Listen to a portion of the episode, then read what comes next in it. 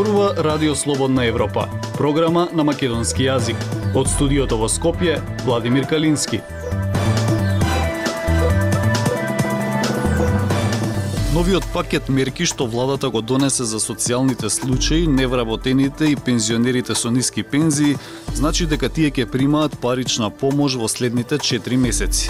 Зошто владата не отиде кон тоа на луѓето да им се зголеми социјалната помош, зборува Министерката за труд и социјална политика Јованка Тренчевска.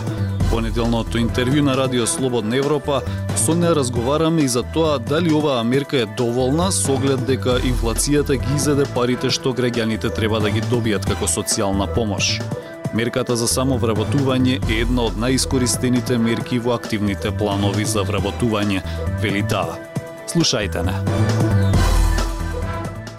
Господја Тренчевска, владата го донесе последниот сет мерки за парична помош за социјални случаи, невработени и пензионери со ниски пензии. Зошто е донесена интервентна мерка за наредните 4 месеци, а не се оди кон тоа да им се зголеми социјалната помош на луѓето? Точно во, значи, пред неколку дена како влада ја донесовме одлуката за нов сет на антикризни мерки, се со цел ранливата категорија на граѓани од една страна добијат финансиска подршка од владата за да можат полесно да ги поминат наредните 4 месеци, односно зимскиот период кога и сметките за електрична енергија или потребата од било кој друг енерген, за да можат да сето тоа полесно да го платат и да едноставно имат повеќе приход во семејството, за да сите заедно ги поминеме овие неколку тешки месеци со повеќе приход во семејството. Днес системот на социјална заштита со реформите во 2019 година ја зголеми социјалната гарантирана минимална помош, до тога социјална помош за 300%. И денес едно четиричлено семејство само по основ на гарантирана минимална помош зима е, околу 11-12 илјади денари е, подршка од финансиска подршка од државата. Во овој сет на мерки се отиде да бидат таргетирани оние граѓани кои што до сега не добиле никаква финансиска подршка, а се сметаат за ранлива категорија на граѓани. Тоа се примателите на правото на социјална сигурност за стари лица, лицата со попреченост, Овде имаме две категории, значи децата до 26 годишна возраст со попреченост кои што примаат посебен додаток и лицата со попреченост од 26 години до панатаму кои што го ствариле правото на попреченост. Секако тука се и а, граѓаните кои што а, имаат некако, некаква попреченост или имаат тешка здравствена состојба, не примаат право на попреченост, а го примаат правото од социјална заштита, односно правото на помош и нега од друго лице.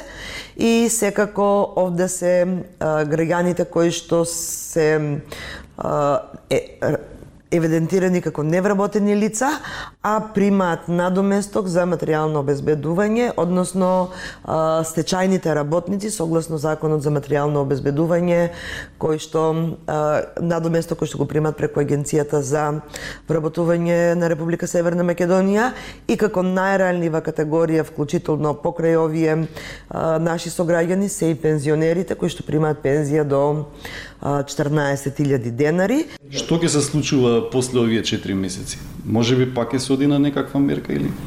Зависно од состојбата после 4 месеци, владата ќе ги разгледа сите анализи и ќе, ако има потреба, секако дека ќе носиме нов сет на мерки за ранлива категорија на граѓани. Дали, Примателите дали... на гарантирана минимална помош оваа недела ќе ги добијат а, 3000 денари. Секој примател на гарантирана минимална помош ќе добие 3000 денари а, надвор од правото на гарантирана минимална помош, која што требаше како еднократна помош, која што требаше да им се а, даде пред ребалансот, но поради а, чекањето да помине ребалансот па а, законските измени а, ова право ќе им биде дадено сега и да не заборавам дека и на самохраните родители кои што се приматели на гарантирана минимална помош ќе им се биде ќе им се овозможи финансиска подршка 4 месеца од 3000 денари наредните 4 месеци.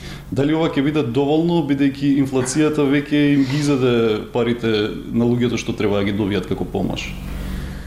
Видете, дали ќе биде доволно или Дали можеше и повеќе, секако дека а, секогаш може повеќе, меѓутоа треба да земеме во предвид дека со овие а, сет на антикризни мерки ние офаќаме околу 180.000 граѓани. Покрај а, сетот на мерки кои што ги превзедовме предходно преку измена на законска регулатива како што е зголемување на минимална плата, зголемувањето, усогласувањето на пензиите. Тоа се а, политики кои што значат постојан раст на а, платите и на пензиите и политики кои што ја следат инфлацијата. И минималната плата и, и усогласувањето на пензиите, методологијата е направена така да се следи порастот на трошоците на живот и порастот на просечната плата. И ова е системско решавање на проблемите со порастот на платите и порастот на пензиите. Имаме систем кој што континуирано ќе ги следи порастот на трошоците на живот и порастот на а, просечната плата и соодветно на тој пораст ќе бидат зголемувани, односно согласувани а, платите во државата, минималната плата во државата и секако а, пензиите. Дали сметате дека генерално во моментов се доволни парите за социјална помош, бидејќи еве во однос на минатиот септември трошоците за живот се зголемени 18,7%, според податоците на Државниот завод за статистика, а храната е поскапена за 30%. Во однос на корисниците на гарантирана минимална помош или соци, социјална помош, во септември со исплатата имаме намалување на бројот на корисници во однос на август 2022 година. Во септември имаме 34.687 домаќинства кои што добиле гарантирана минимална помош, додека во август, значи месецот пред септември, сме имале 36.138 домакинства, што значи дека делот домакинствата кои што а, примале а, гарантирана минимална помош, делот а, член на семејство се вработил, односно имаат приходи во домакинството со што секако им престанува правото на гарантирана минимална помош. И затоа а, Интенцијата на Министерството за труд и социјална политика, намерата во наредниот период е што повеќе граѓани кои што се во системот на социјална заштита, односно приматели на гарантирана минимална помош, да ги вклучиме, односно да ги активираме на пазарот на трудот. Активацијата на примателите на гарантирана помош е нашиот приоритет во а, следниот период за да можеме не да бидат зависни од системот на социјална заштита, не ги држиме во системот на социјална заштита со години, туку преку својот труд да бидат активирани на пазарот на трудот согласно а, оние компетенции кои што ги имаат овие граѓани, значи а, образование, а, а, како дали се работи за квалификувана, неквалификувана работна сила, согласно потребите на пазарот на трудот и да излезат постепено од системот на социјална заштита. Спомнавте бројки за приматели на социјална помош. Дали се зголемува бројот на случаи за време на енергетскава криза? Не, еве, последниот податок ни од септември, ова недела во понеделникот ги исплаќавме правата од социјална заштита, примателите на гарантирана минимална помош, односно на порано популарна наречена социјална помош, изнесува 34.687 домаќинства во споредба со август 2022 година кога сме ги исплаќале правата од социјална заштита, тој број бил 36.138 домаќинства, значи е намален бројот на домакинствата. Дел од овие домакинства, Значи, членовите на овие домакинства се вработиле, остваруваат приход во семејството со што согласно закон им се укинува гарантираната минимална помош. Дали очекувате да се зголеми таа бројка во наредниот период, бидејќи еве многу фирми најавуваат дека е можно да затворат и со тоа и да отпуштат вработени поради високите сметки за струја. Со новиот сет на мерки кои што се однесува на подршка на компаниите, верувам дека компаниите нема да затворат и нема да ги отпуштат работниците и нема да имаме, очекувам да немаме зголемување на корисници на гарантирана минимална помош. Меѓутоа, ако се случи да дел од работниците останат без приходи во семејството, системот системот е отворен и ќе бидат секако вклучени во системот на социјална заштита, односно ќе им се ќе им биде обезбедена гарантирана минимална помош.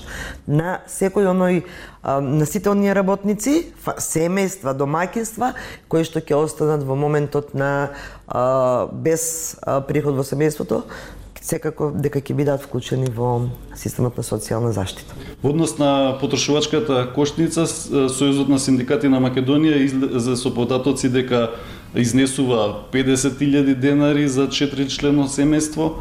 Како ова може да го издржат посиромашните луѓе, бидејќи со новата мерка не се земени предвид луѓето со ниски плати?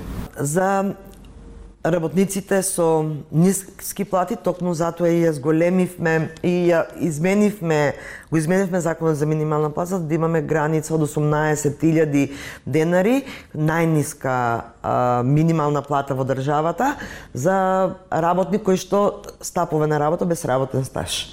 Ова е основицата која што се зголемува согласно минатиот труд на секој работник. Значи 18.000 денари еден член во семејството кој што работи на минимална плата и доколку има доколку има минатру таа плата му се зголемува.